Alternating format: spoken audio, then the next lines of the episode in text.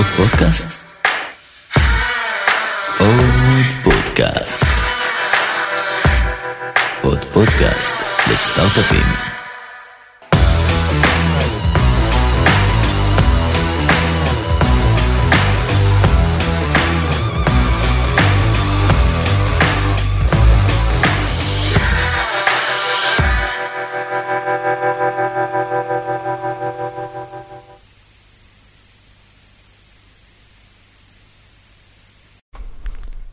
התחלנו. שלום, תאיר, מה העניינים? היי גיא, מה קורה? בסדר, מה שלומך? קודם כל, תודה רבה על המאפים, אתם לא רואים, אבל אנחנו פה, אני כאילו עם שוקולד ה- על הפנים. האורחת הכי טובה עד היום. האורחת הכי טובה שהייתה לנו אי פעם, כמו שאומרים. אז נמצאת איתנו כאן תאיר קובלסקי. תאיר היום היא Head of Growth, נכון?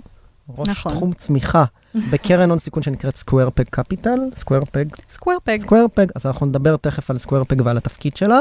מעבר לזה, היא פה, בעיקר בגלל שני כובעים מאוד מרשימים שהיית, של פעילויות שהיית מעורבת בהם בשנים האחרונות. אחד זה אק, אקסלרטור או תוכנית היזמות של עיריית הרצליה, לדעתי גם האקסלרטור המוניציפלי הראשון בישראל, נכון? ולא רק בישראל, בפורמט הזה הוא הראשון גלובלית. אוקיי, נהדר, אז זה האק, ואנחנו תכף נדבר על זה. ואחרי שסיימת את האק, אמרת, מה אני אעשה עוד? כמוני, כאילו, אחרי שסיימתי את 8200, בוא נעשה עוד אקסלרטור. ואז הלכת והקמת בתוך Entrée Capital, נכון? שזה גם קרן הון סיכון, אחת המובילות והידועות פה בארץ, הקמת תוכנית שנקראת Sigma Labs. אז אני בעצם הצטרפתי לערן ביאלסקי מהמם. ולאבי, שהם שותפים ב Entrée Capital, שהם הקימו את סיגמה אה, והצטרפתי אליהם כדי פשוט להפוך את זה למגה אקסלרטור שזה היום, עם ה-best value ליזמים בשלבים מוקדמים.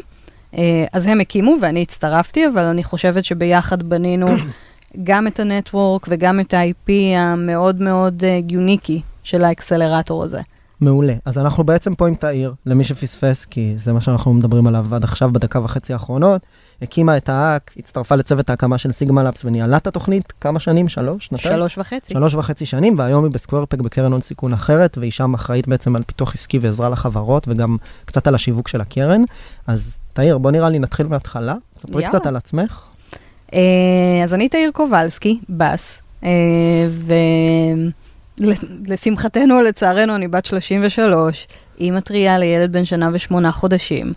אה, וכל הסיפור הזה התחיל עוד מבעוד מועד. הייתי במחזור הראשון בבית ספר לתקשורת בבינתחומי. מיד אחרי זה המשכתי לתואר שני ביחסים בינלאומיים. עבדתי חמש שנים בהפקות ויחסי ציבור, גיליתי מה אני שונאת לעשות, או בעצם איפה אני לא באה לידי ביטוי, ואז היה לי שם אה, שבר גדול, אה, כי זה הניסיון שלי, זה אה, מה שלמדתי, ואיך יודעים מה יש חוץ מזה, מה יש בחוץ, אה, במה הולכים לעבוד. ויש לי אבא כזה פולני קשה, אני תמיד מספרת את זה בכל אה, גם ההרצאות לך? שלי. כן, גם לי. אוקיי, סבבה. קובלסקי, זה, זה בא עם, אה, עם אה, תעודות אה, פולניות קשות. והוא אמר שלא עוזבים עבודה לפני שיש עבודה. אה, ואני לא מסכימה עם זה, רק אה, שמאזיננו ידעו, לא טוב לכם, תעזבו, האופציות ייפתחו. אה, ופשוט לא ידעתי מה לעשות. ראיתי ממש בשנייה האחרונה, ברגע האחרון, חבר שפרסם את המכרז של עיריית הרצליה להקמת מרכז יזמות או חדשנות, אני אפילו לא זוכרת איך קראו לזה.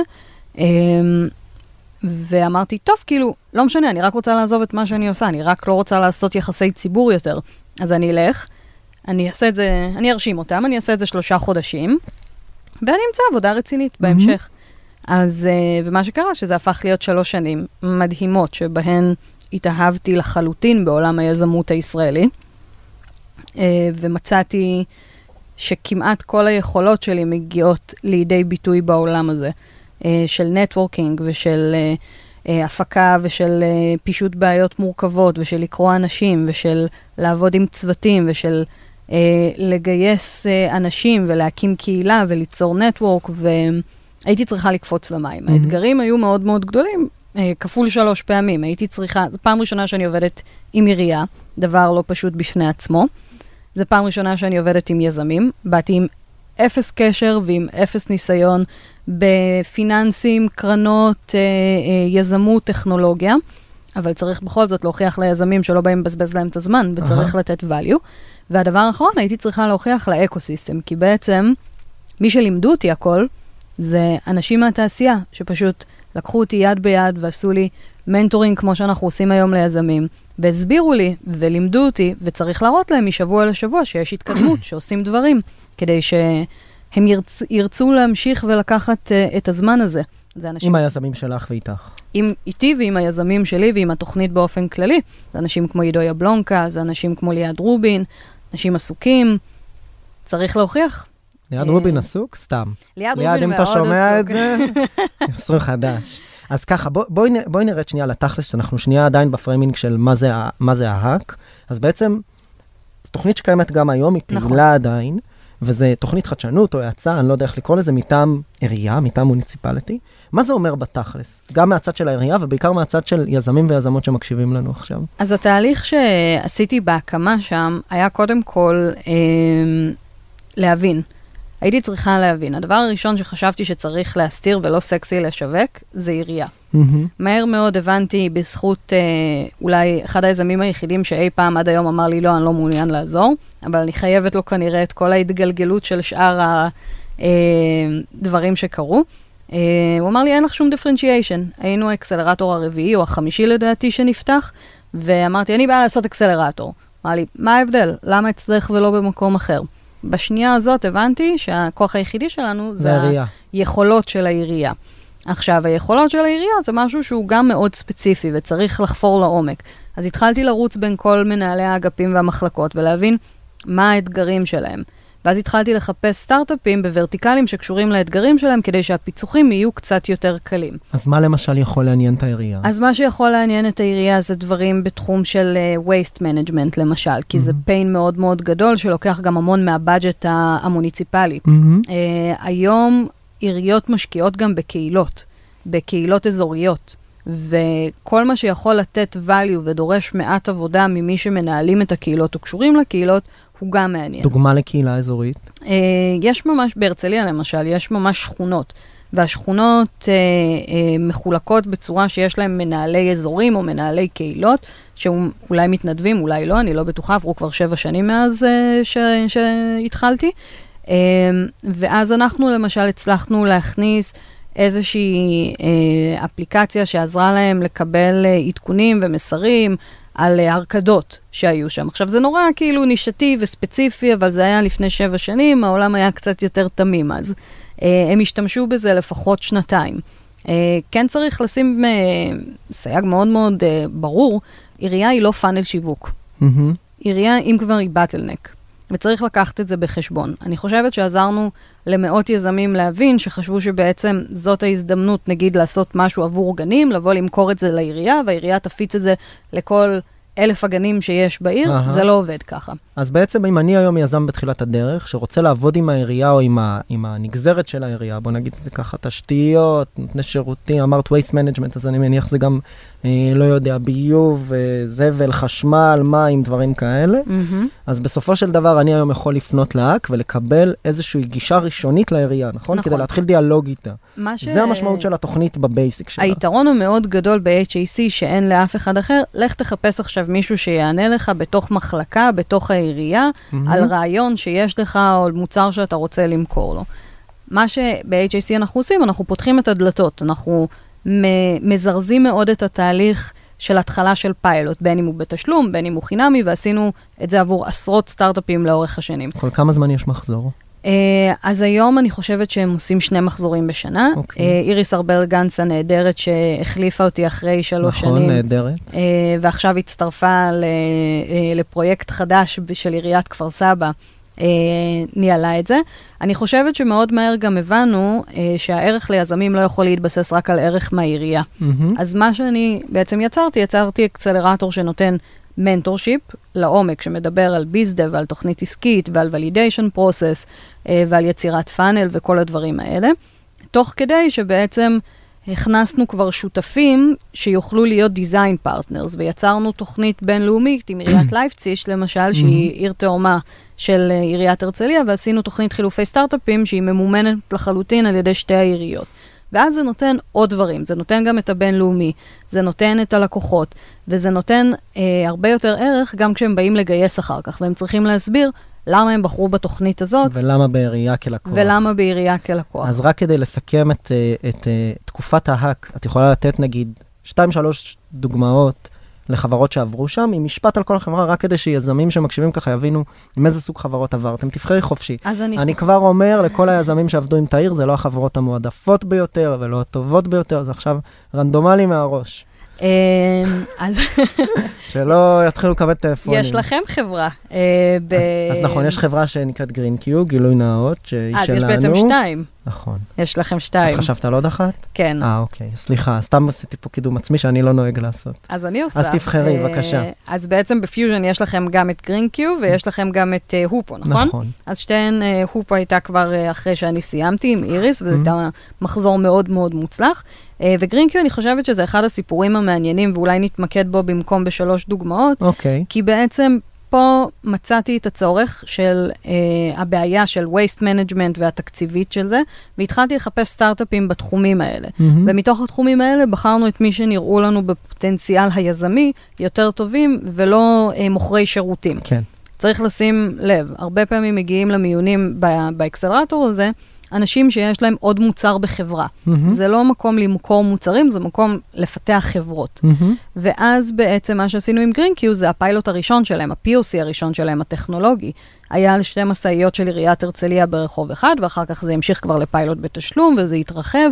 אה, רק ו- למי שלא היה איתנו, גרינקיו צריך להגיד שנייה מה הם נכון. עושים, הם מייצרים מערכת שהיא גם משולבת אה, חומרה ו-IoT שיושבת על משאיות זבל, וגם תוכנה בעבור העירייה בעצם, או החברות שעוסקות באיסוף הזבל מטעם העירייה, כדי להראות איך אפשר גם לעקוב בעצם אחרי מסלול איסוף הזבל, וגם מה שנקרא לשקל, לשכלל את האופן שבו הזבל נאסף בעירייה. זה ככה נכון, בגדול אם אפשר. נותנים דוגמה מאוד מאוד פרקטית, ברחוב אחד יש פח אחד שמלא 20 אחוז, פח אחד שמלא 90 אחוז. מהמם. ברגע שמפנים היום את שני הפחים, כנראה שהפח שהיה 20 אחוז יעלה על גדותיו יותר מהר. מהמם. או שלא היה צורך לפנות אותו, ובעצם יכולנו לחסוך זמן. מהמם. אז ה, אה, התוכנה או הסופטוור בעצם של גרינקיו מייצר את המסלול עבור הנהגים ואת מה צריך לפנות ומתי צריך לפנות. מהמם. אז זו נגיד דוגמה מאוד אידיאלית, כי הפיין היה ברור, הלקוח היה שם, היה שם ראש אגף שמאוד מאוד מאוד רצה את החדשנות הזאת ואת, ואת הטכנולוגיה הזו ולהיכנס לעניינים ולנסות את זה,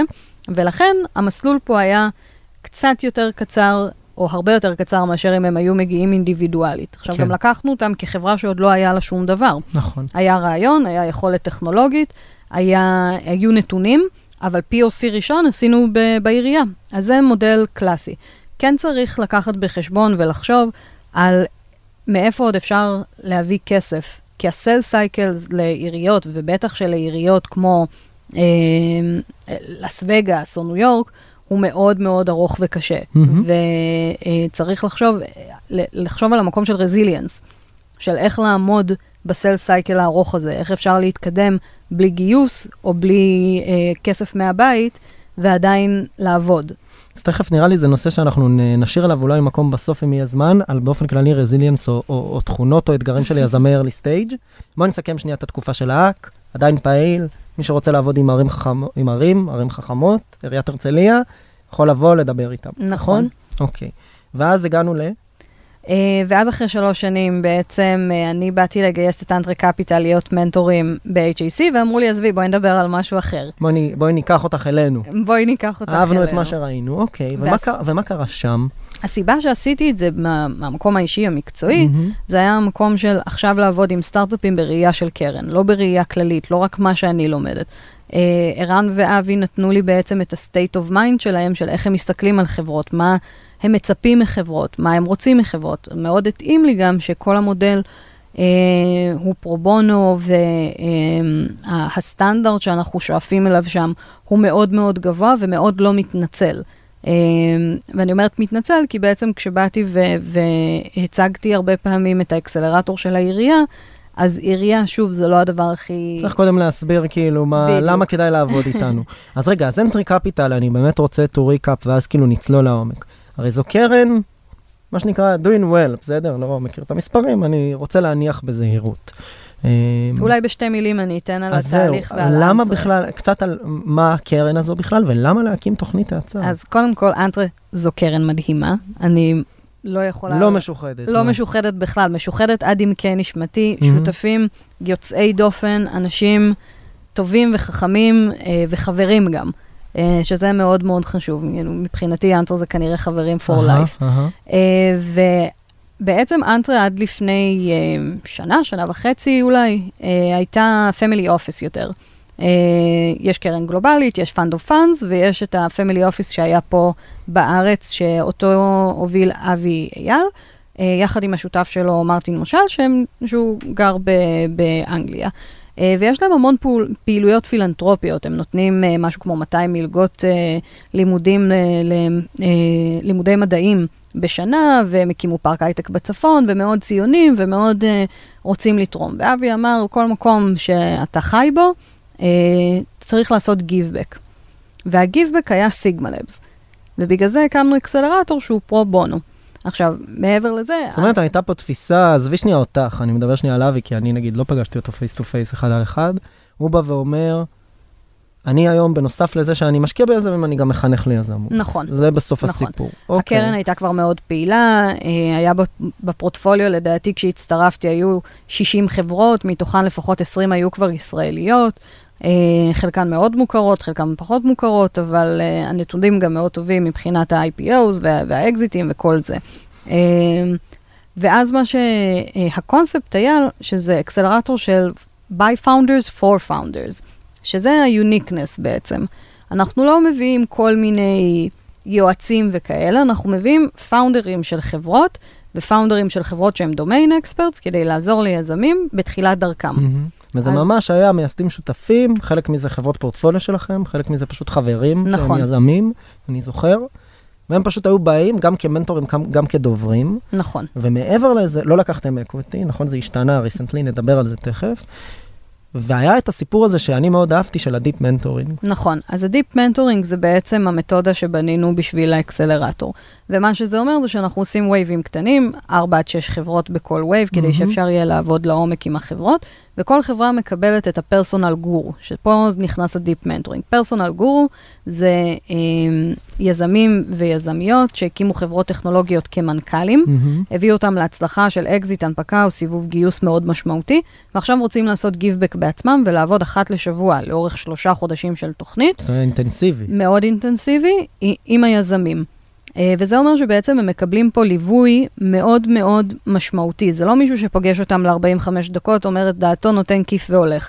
זה מישהו שחווה איתם, שיכול לעבור איתם את תהליך הוולידיישן, שיכול לעבור איתם על יצירת הפאנל הגלובלי מהיום הראשון, שיכול לעבור איתם, עובר איתם על, ה, אה, על, על המכירות, על, איך- על, על התוכן, על אסטרטגיית גיוס. אהה. עכשיו, זה רק הפרסונל גור שלהם. ואם נגיד בקול רם, זה אנשים מדהימים כמו עידו יבלונקה, שמכר את קלארטי ריי ליהו בזמנו, שהיו גם שותפים שלנו להקמה שמכר של... חברה. אה, מכר עוד חברה, אה, שהיו שותפים שלנו כשהקמנו את האקסלרטור. אה, וזה אנשים כמו אקי אלדר שמכר את אה, Secure Islands למייקרוסופט, ואנשים כמו עמרי מורן, אה, ואורי אה, אורי כהן שמכר ארבע חברות, ואבי אייל בעצמו, שטוב, כאילו, אי אפשר לספור כבר את כמות האקזיטים, ווין פיק שלוש פעמים חברה שלו, אה, או כמה חברות אפילו. וזה בעצם הרף של האנשים, זה ה-Founders for Founders. עכשיו, מעבר לזה, הכנסנו גם Mentors in Residence, שכולם כמובן עושים את זה בהתנדבות, אבל זה אנשים שהם כבר domain expert, שהם גם פאונדרים, CTO, CPO, CMO, CFO, אה, CMO, אנשים כמו עמרי טופול ואנשים כמו אלכס ליברנד, שהיה CTO ב DoubleVerify, אחד הסטארט-אפים הגדולים שיצאו מישראל. אה, ו- ו- ועוד כאלה טובים, עמית פרי שעובר איתם ממש על האקסלים והתוכנית. מקבל, אז אתה בעצם מקבל ליווי אישי של מישהו שאתה נפגש איתו פעם בשבוע שהוא יזם כמוך, רק קצת יותר נכון. או הרבה יותר מתקדם, ואתה מקבל מומחי, מה שנקרא domain expert, מומחים בכל מיני תחומים שגם מלווים אותך, ומעבר לזה יש תכנים. מעבר לזה, קודם כל יש גם אה, מנטורים. עכשיו נגיד ה wave כולו הם B2B והם רוצים משהו על sales, אנחנו נביא להם את ה-best experts ל sales של B2B. ערן ביאלסקי יושב איתם ועושה להם, חוץ מזה שהוא הפך להיות הצ'טבוט אה, האונליין לתרגום פגישות אה, השקעה אה, ולתרגם מה באמת אמרו שם, יושב איתם על אסטרטגיית גיוס. עכשיו, נגיד את זה עוד פעם, Entrée עושה את זה פרו בונו, זה לא נועד להיות ה funnel של הקרן, זה לא נועד כדי להגדיל את ה deal flow, הקרן מתעסקת בדברים שלה. אבל את נגעת פה בנקודה, סליחה שאני קוטע, אני פשוט רוצה כן. שנתקדם לכמה נקודות. א', באמת, אז הקרן הקימה את זה פרו בונו, ותוכנית מאוד יפה ומאוד מוצלחת, ויש גם כמה חברות שגייסו וכמה חברות שנמכרו וכולי, אפשר לדבר על זה. אה, יש איזשהו פרספשן, אני חושב, ליזמים בתחילת הדרך, עכשיו זה קצת השתנה, אבל לפחות אז, שתוכנית שהיא מטעם קרן, אגב, אתם לא היח... הייתם היחידים, מה נכון. שנקרא, היא כאילו סוג של אה, סימון או איזושהי הסתכלות, היא מייצרת איזושהי התניה שהקרן כנראה תסתכל יותר, ויש איזושהי תקווה ש Entrée בסוף ישקיעו, יהיו מעורבים. התיאום ציפיות שלנו היה. הוא מאוד מאוד ברור למין ההתחלה. Uh, במיונים גם אנחנו מקפידים, יש לנו selection process מאוד אה, ארוך ו- ועמוק, שבעצם אנחנו מנסים לשים לב מי רוצים להיכנס לאקסלרטור, כי המטרה היא אחת לגייס כסף, וזה לא מה שאנחנו עושים. אנחנו עוזרים לעבוד על ה product, אנחנו עוזרים לעבוד על המספרים והטרקשן ועל למה בעצם, למה לא.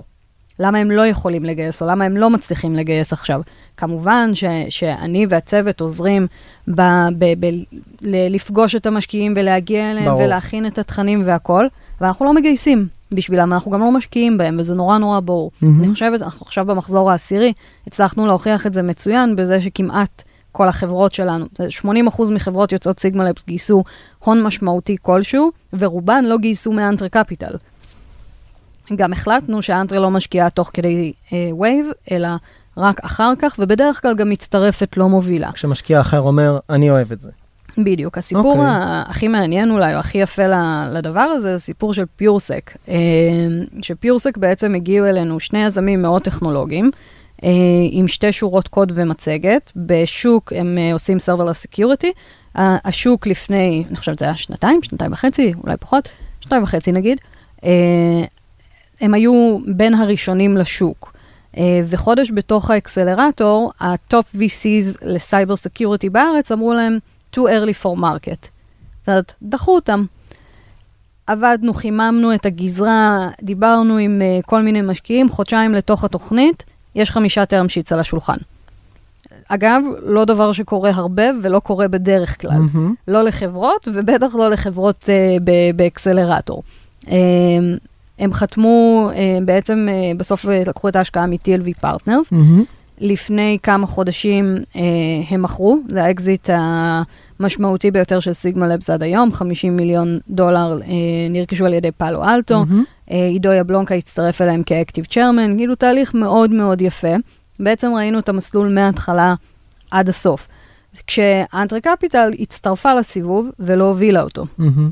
אה, כשיש לך בעצם secured money, הסיבוב של לא- TLV. לסיבוב של TLV, מהמם. כן.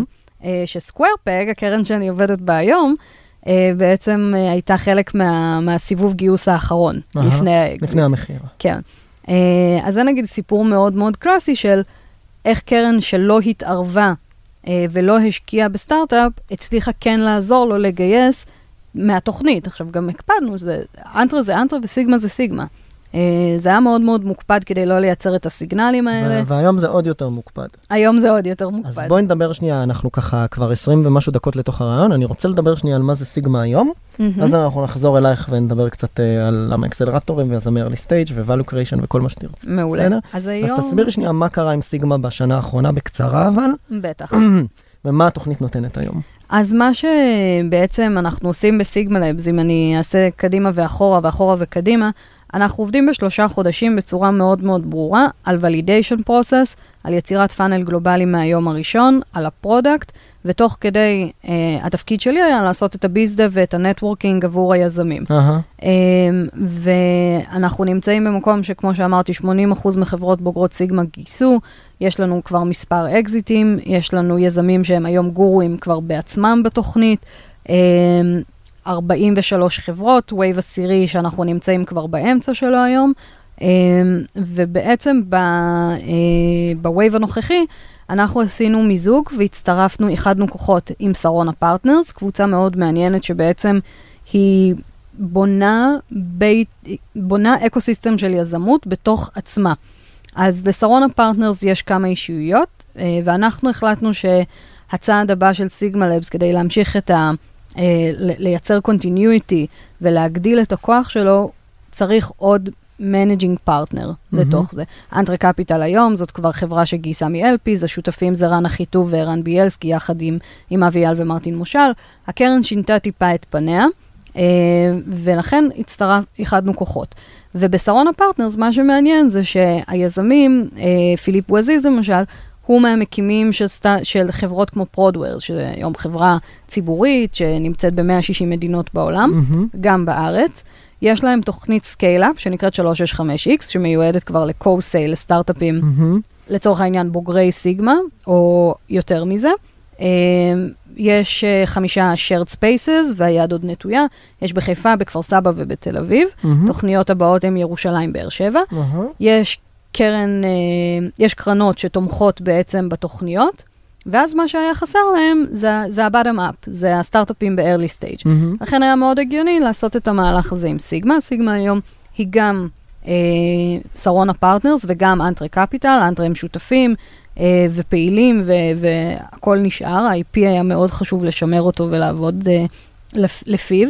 פתחנו תוכנית בחיפה. זאת אומרת, יש שם שתי Sigma Labs, מה שנקרא. נכון. יש תל אביב וחיפה. נכון, אוקיי. והתוכנית להמשך תהיה כנראה לעשות תוכניות ורטיקליות ובעוד ערים, וכנראה איפה שיש open space תהיה גם תוכנית של Sigma Labs. מהמם. אה, וזה מה שאנחנו עושים היום. אה, עד אה, המחזור התשיעי התוכנית הייתה פרו בונו לחלוטין, אה, כשיזמים בוגרים יכלו לבחור ותרמו equity מרצונם החופשי לתוכנית, ומה שהחלטנו זה פשוט לאחד את זה, להפוך את זה, למ... לא לאחד, לה... להפוך את זה לאחיד, אה, ואנחנו מבקשים 2% equity מכל חברה היום. מהמם. אה, אז כיום בעצם חברה שמגיעה ל Sigma Labs מקבלת את כל מה שאמרנו שהיא מקבלת, space נכון. ומנטורינג ועזרה וכולי. מקבלת מעורבות של, אני כל פעם אומר Entrée, זה Entrée, נכון? את אומרת Entrée Capital. כן, אז Entrée Capital, Sarona Partners, ונותנת 2% equity בתמורה, נכון? נכון. אוקיי. עכשיו, יש גם את כל העניין של הקהילה של Sigma Labs. בעצם זה קהילה של מנטורים ו- ואנשים מאוד בכירים בתעשייה. יש את ה ecosystem ש Sarona Partners מביאה, של אנשי עסקים מרחבי העולם. ומעבר לזה, יש גם את הקהילת בוגרים שלנו, שהם סופר אקטיביים ועוזרים אחד לשני, וזה משהו מאוד מופלא שהצלחנו ליצור בעיניי, ושהוא מאוד לא טריוויאלי לעשות עם חברות שאנחנו כבר לפני ארבע שנים איתן. אה, אז זה מה שאנחנו עושים היום. אה, אני מציעה לכל יזם או יזמת שמאזינים לנו ושוקלים להיכנס לאקסלרטור, לא רק לסיגמה לבס, אחד הדברים הכי טובים לעשות כדי להבין את ה-value זה לדבר עם בוגרים.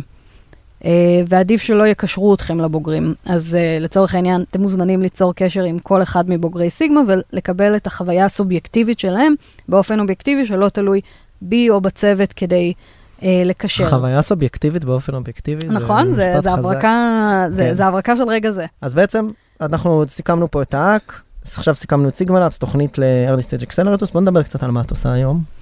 אה, אז אני... את נשארת כאילו באותו דומיין, אותה הגברת, אבל עם ממש שינוי אדרת. זה, זה שינוי מאוד כאילו מאוד גדול. בצוות הסוג של ליבה, לא צוות ההשקעות, אבל צוות הליבה של קרן עכשיו. נכון.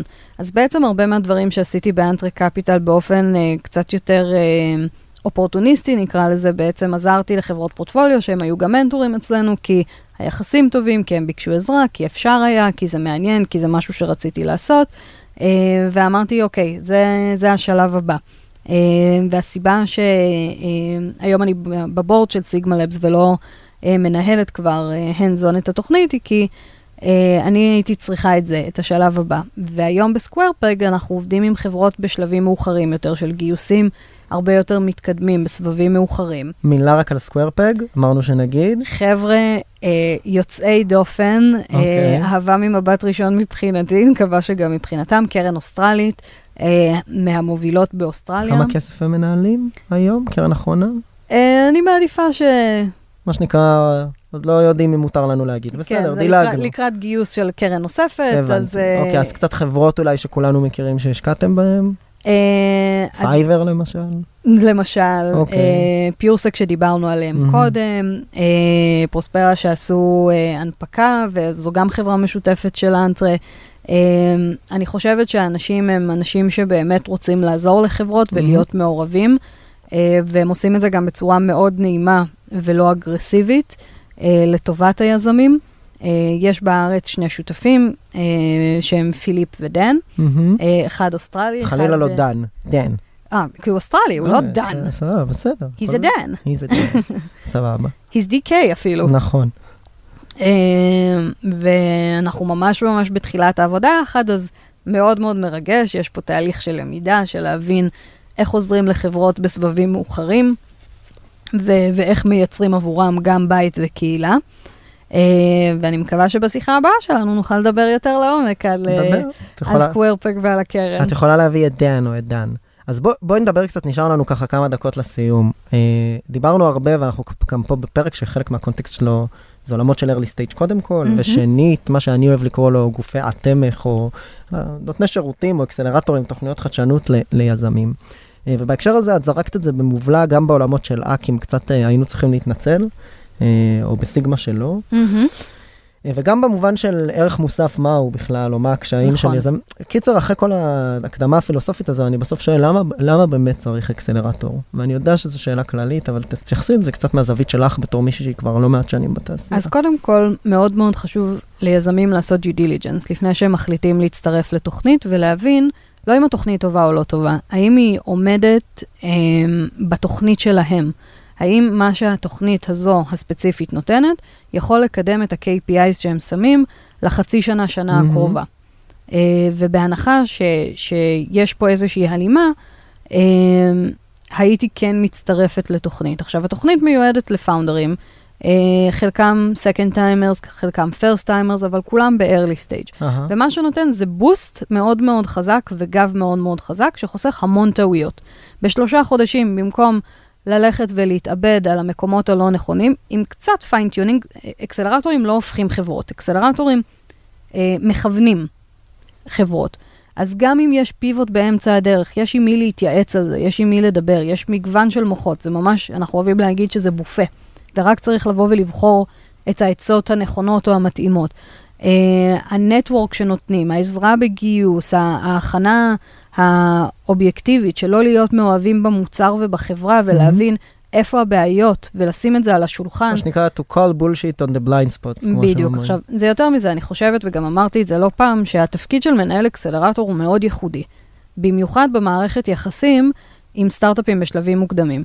למה? כי אנחנו לא המשקיע שלהם, אנחנו לא הלקוח שלהם. לא דירקטור, לא אנחנו- אדוויזור. בדיוק, אנחנו אפילו לא הגורו, המנטור שלהם, שרוצים אולי לפעמים להרשים אותו, אנחנו לא בני הזוג שלהם שלחוצים על הכסף, אנחנו לא החברים שלהם, שאולי יודעים או מבינים טכנולוגיה, אבל לא מבינים בדיוק את מה הם עושים. אנחנו הבן אדם היחידי שגם יודע על מה הם עובדים, יודע מה המצב שלהם, ואין לו שום אינטרס חוץ מלעזור. ולכן אפשר לשים את כל השיט על השולחן עכשיו. ואפשר לדבר באופן גלוי.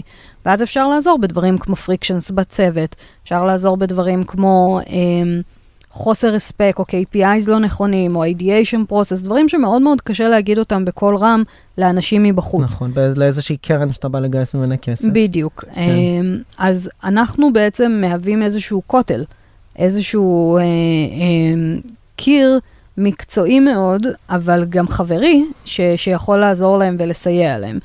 אה, והכל טוב עד שהכל לא טוב, כן? אז אה, אנחנו ברור. הרבה פעמים חווינו כל מיני גירושים בצוות, וחווינו כל מיני אה, אה, שינויים כאלה ואחרים של עוד co-founder שנכנס, או co-founder שעוזב, מכירות שנפלו, אה, השקעות היה שנמשכו. עכשיו, אפרופו גירושים בצוות, היה עכשיו ציטוט מאוד מעניין של משקיע הון סיכון אמריקאי, שאמר שבעצם, וזה כאילו תמיד הקלישאה, שלהכיר שותף או שותפה לסטארט-אפ זה כמו נישואים. נכון. ואז הוא נתן את הנתונים, אני לא זוכר בדיוק מה היו המספרים, אבל בגדול ה lifetime של סטארט-אפ, בהנחה והוא ב trajectory המוצלח, מהמם. הוא לא נסגר, הוא בממוצע לדעתי ב Silicon Valley מעל ל-10 עד 12 שנים, מהמם. שזה מה שנקרא אבסולוטית, עזבי שנייה משפטים אה, שהם קאץ' פרייזים, זה אבסולוטית יותר מזמן הנישואים הממוצע ב- באותו אזור, שזה היה משהו כמו שמונה שנים, אז הוא אומר, זה לא רק נישואים, זה באמת נמשך יותר זמן, אז כדאי שזה יסתדר. נכון. אה, אני רוצה לשאול, זה משהו שאני מתמודד איתו, וככה תתייחסי לזה איך שאת רוצה ואם את מרגישה בנוח. אנחנו נגיד, אה, בפיוז'ן למשל, התחלנו לוותר על demo days, כי, כי אני. באתי מהתוכנית של 8200, ושם עשינו את זה, ובשלב מסוים היו כמה משקיעים, חלקם את מכירה והם מאוד נחמדים, ואמרו, תשמע, demo days זה אחלה, אין סיכוי שאני אשים term sheet בזמן האירוע. אם לא הכרתי את היזמים לפני, עשיתי מה שנקרא עוול לעצמי ולעבודתי כמשקיע, אני צריך להכיר את כולם עוד בזמן התוכנית ולהתחיל לייצר איתם מערכת יחסים. אז אני בא כי זה נחמד וכי כולם באים וכולי וכולי. עכשיו גם לכם בסיגמה, היה, לדעתי עדיין יש, דמו די מאוד מרשים, שותפים בקרנות וכולי. מה עמדתך, עזבי שנייה מהזווית של מנהלת האקסלרטור מהמם. לעב- לשעבר וכולי, דווקא מהזווית של היזמים שמקשיבים ואומרים, אה, אני אלך לאקסלרטור X, לא משנה איזה, סיגמה, אחרים, ואני אגייס כסף בדמו דיי. מעולה. אז אוקיי. זה משהו שאני תמיד שמה על השולחן. בדמו דיי לא מגייסים כסף. עכשיו, אני אסייג את זה בזה שזה כן קרה לנו פעם אחת. שהמשקיע נכנס לחדר בסוף הדמו דיי עם היזם, והם יצאו כאילו... עם בלח- הסכמות, מה שנקרא. יצאו עם הסכמות, ויומיים שלושה אחרי זה היה term sheet על השולחן. מהמם. אבל זה באמת מקרה ייחודי וזה לא קורה לרוב. מהמם. זה נותן פה, בעצם הדמו דיי נותן אה, כמה נקודות. קודם כל, זה מומנטום, וזה מקום להראות התקדמות. אז בעצם, אם תוך כדי המחזור, למשל, אנחנו מן הסתם פוגשים את, ה, את המשקיעים, אנחנו לא מחכים הרי רק לדמו דיי. אם פגשנו אותם בחודש הראשון, הם לא אמורים לצאת אותו דבר בחודש השלישי, בסוף התוכנית. מהמם. וזה מומנטום מצוין להציג את זה. עכשיו, מעבר לזה, למשקיע זה מאוד מאוד הגיוני לבוא ולראות ב-25 דקות חמש חברות, כן. להתרשם מה, אה, מהטכנולוגיה או מהיזמות, מאשר לקבל איזשהו אה, PDF מתאיר עם אה, תיאור של שש חברות, שאז כן, לא, אולי לא. פה יש כאילו כבר אנשים בשר ודם ו- כן, ומקום. ממש מגע בלתי אמצעי נכון, מהיזמים. מקום, אוקיי. מקום באמת לדבר. עכשיו, כנראה שיש סיבה שהם מגיעים, כי אנחנו בעצם בדמו דיי שלנו מגיעים פרינסיפלס ופרטנרים ואנג'לים, uh, ומשם כן מתחילים מערכות יחסים. כן צריך לדעת ולשים לב שמרגע שעליתם על הרדאר של משקיע, אתם נמצאים עכשיו בתוך האקסלים, ובפעם הבאה שתיפגשו כדאי שהדברים ישתפרו. אה, וכדי, ושיהיה איזשהו growth ו- ו- והצלחה, כי עכשיו אתם כבר על timeline. נכון. אה, אז זה משהו שכן חשוב לדעת, אבל בעצם התוכנית מאפשרת, כמו שאמרתי, network מאוד מאוד חזק. ולבוא ולפגוש 100 משקיעים בבת אחת, או להיחשף ל-100 משקיעים בבת אחת, זה משהו שאחר כך לא תוכלו לעשות. זה משהו שאחר כך יהיה מאוד קשה להגיע אליו. זה כמו שאני אוהב להגיד אה, ליזמים ששוקלים לבוא אלינו, אני אומר להם, ו- ושואלים אותי תמיד, זה, זה מין שאלה תוכחתית כזו, שאני מאוד אוהב, כי אתה תמיד מקבל אותה מיזמים ישראלים. מה, למה, כאילו, למה אנחנו צריכים אותך? בגדול אומרים את זה מהמם. במילים האלה, ואז אני תמיד אומר, אני חושב שאנשים קצת מופתעים לשמוע את זה, אבל אני מתכוון לזה. אני אומר, אתם לא. צריך זו מילה, זו מילה קשה. אני חושב שאפשר להגיע לכל האנשים שאקסלרטורים יחברו אתכם אליהם לבד, אבל אין ספק שכשמם כן הם, הם עוזרים מה שנקרא להאיץ את התהליך ולקצר זמן. נכון. ואז זה כבר עניין של פרספקטיבה. אני כנראה חושב ששנינו טוענים שזמן זה אחד הדברים הכי יקרים שיש בכלל, פילוסופית בעולם, אה, אבל בטח ובטח ליזמים בשלבים מוקדמים, שכל כל דקה ושעה חשובה. לגמרי, אני חושבת שזה גם יותר מזה. אה, אני חיה לפי הפילוסופיה הזאת, וכנראה שככה גם נראות התוכניות שאני בונה ומנהלת. never miss an opportunity for an opportunity. כן. אה, ואם זה... כמעט אמרתי משהו פוליטי עכשיו. מה? שזה, שאת לא, לא יודעת על מי אומרים שאף פעם לא מפספסים הזדמנות לפספס הזדמנות? לא משנה, אל תעני על זה, נדבר על זה אחרי הפרק. אנחנו עושים פרצופים אחד לשני עכשיו. סבבה, בסדר. אה, אז בעצם זה מלפגוש משלחות שאולי יצא מהם שום דבר ואולי תצא מהן עסקה גדולה. וזה נכון. מלפגוש אה, את כל המשקיעים ביחד בדמו דיי, שאולי לא יצא מזה שום דבר, ואולי בעצם יהיה לכם הרבה יותר קל לפנות אליהם אחר כך, כי הם כבר ראו את זה, ואתם לא תלויים במי שמנהל את התוכנית. אה, ולכן אני חושבת שיש פה עכשיו, אני אגיד יותר מזה, בסיגמה לבס אני בניתי איזושהי אה, אה, מתודה כזו שמכינה אותם לדמו דיי, כשהמטרה היא לא באמת הדמו דיי בסוף. המטרה היא לעשות חודש וחצי פיץ' פרקטיס שממש ממש נכנס לעומק המסרים.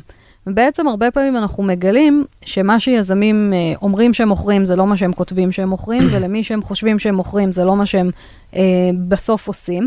וזה דברים שר... שנכנסים רק כשנכנסים לתוכן ולמסר. Uh, הרבה פעמים אני גם גורמת ל-CTOs להציג, ולא רק ל-CEOs, כי אז הם רואים שיש הבדלים ביניהם על, איך, על ההשקפה שלהם. מהמם. אז בעצם הפיץ' פרקטיס נועד כדי לשבור את המסרים וכדי להבין לעומק על מה אנחנו מדברים, מה איזשהו האסטרטגיה. חלון לחברה, שאם בדיוק. הדברים לא מסודרים שם מאחור בתוך הבית, מאוד קשה לייצר צוהר נכון. קוהרנטי בעצם. נכון, אז במובן מסוים מה שאת אומרת זה שהעבודה על הפיץ', ואני מאוד מתחבר לזה, היא גם קטליזטור, שנייה לשבת בבית, בהמשך למטאפורה, ולסדר את. הדברים ולראות שהם באמת נכון. לעיני רוחם של כל, של האדריכל והקבלן והדייר, נכון. לפני שמציגים את זה הלאה לקונה.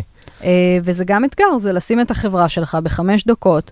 Uh, על שמונה שקפים, ועדיין שזה יהיה סיפור קוהרנטי. עכשיו, לא היה יזם שלא אמר לי מה שאנחנו עושים מסובך מדי ואי אפשר להסביר את זה בשמונה שקופיות ובחמש דקות. I tell you, אפשר. 43 חברות, הכל אפשרי. אפשר.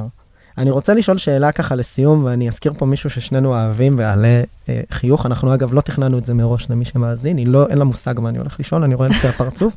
יש את אמיר גלמן. או, אמיר גלמן, אה, למי שלא מכיר, הוא היה ב Junction, שזה גם תוכנית שמתארחת פה בסדרה, אה, ואחרי זה הוא עבר ל-500 סטארט-אפס, שפתחו פה פעילות בארץ, לדעתי הם כבר פחות פעילים, אה, והיום הוא עבר לניו יורק, אז אמיר, אם אתה שומע את זה, אוהבים אותך.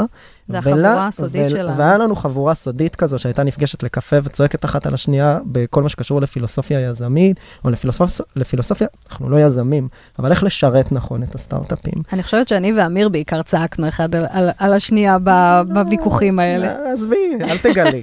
ואני, והוא אמר פעם משהו ש... אה, וזה היה כשאני עוד הייתי מנהל התוכנית של 8200, והוא אמר את זה משהו, אני מצטער שאני חושף אותו פה בזה, הוא אמר, תשמע, כל האקסלרטורים האלה, מה שאנחנו עושים, אנחנו מעידים על עצמנו, כל mind fucking, אתה מביא אקסלרט, סליחה על הביטוי, כן?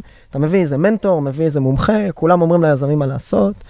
בסוף זה יכול לייצר, ואני שואל פה עכשיו, אני מגיע לשאלה מהותית, המטרה היא לא להתווכח עם אמיר, אה, וגם אני מתמודד עם זה היום כמישהו שיש לו תוכנית בפני עצמו. מהמם. בפני עצמה. אה, איך אתה מייצר את הבלנס הזה בין לשמור על העוצמה, על החוסן ועל הדיוק הפנימי של הצוות, מהמם. לבין היכולת, כאילו, שבסוף אתה סוג של אה, שחקן קווים כזה, אתה מחבר אותם להרבה נכון. אנשים וכולי, ואתה מייצר גם הרבה הפרעות שהן לפעמים באמת רעש לבן. אז, אז קצת כאילו, אני שואל מהזווית היזמית, איך אפשר אני to חושבת, mitigate את, אני, את אני כל חושבת הסיפור שזה הזה? בעצם ה- האופי של, של היזם או היזמת ש, שיקבע. אמ, זה משהו שנגיד אנחנו מדברים עליו הרבה בהתחלה של תוכנית.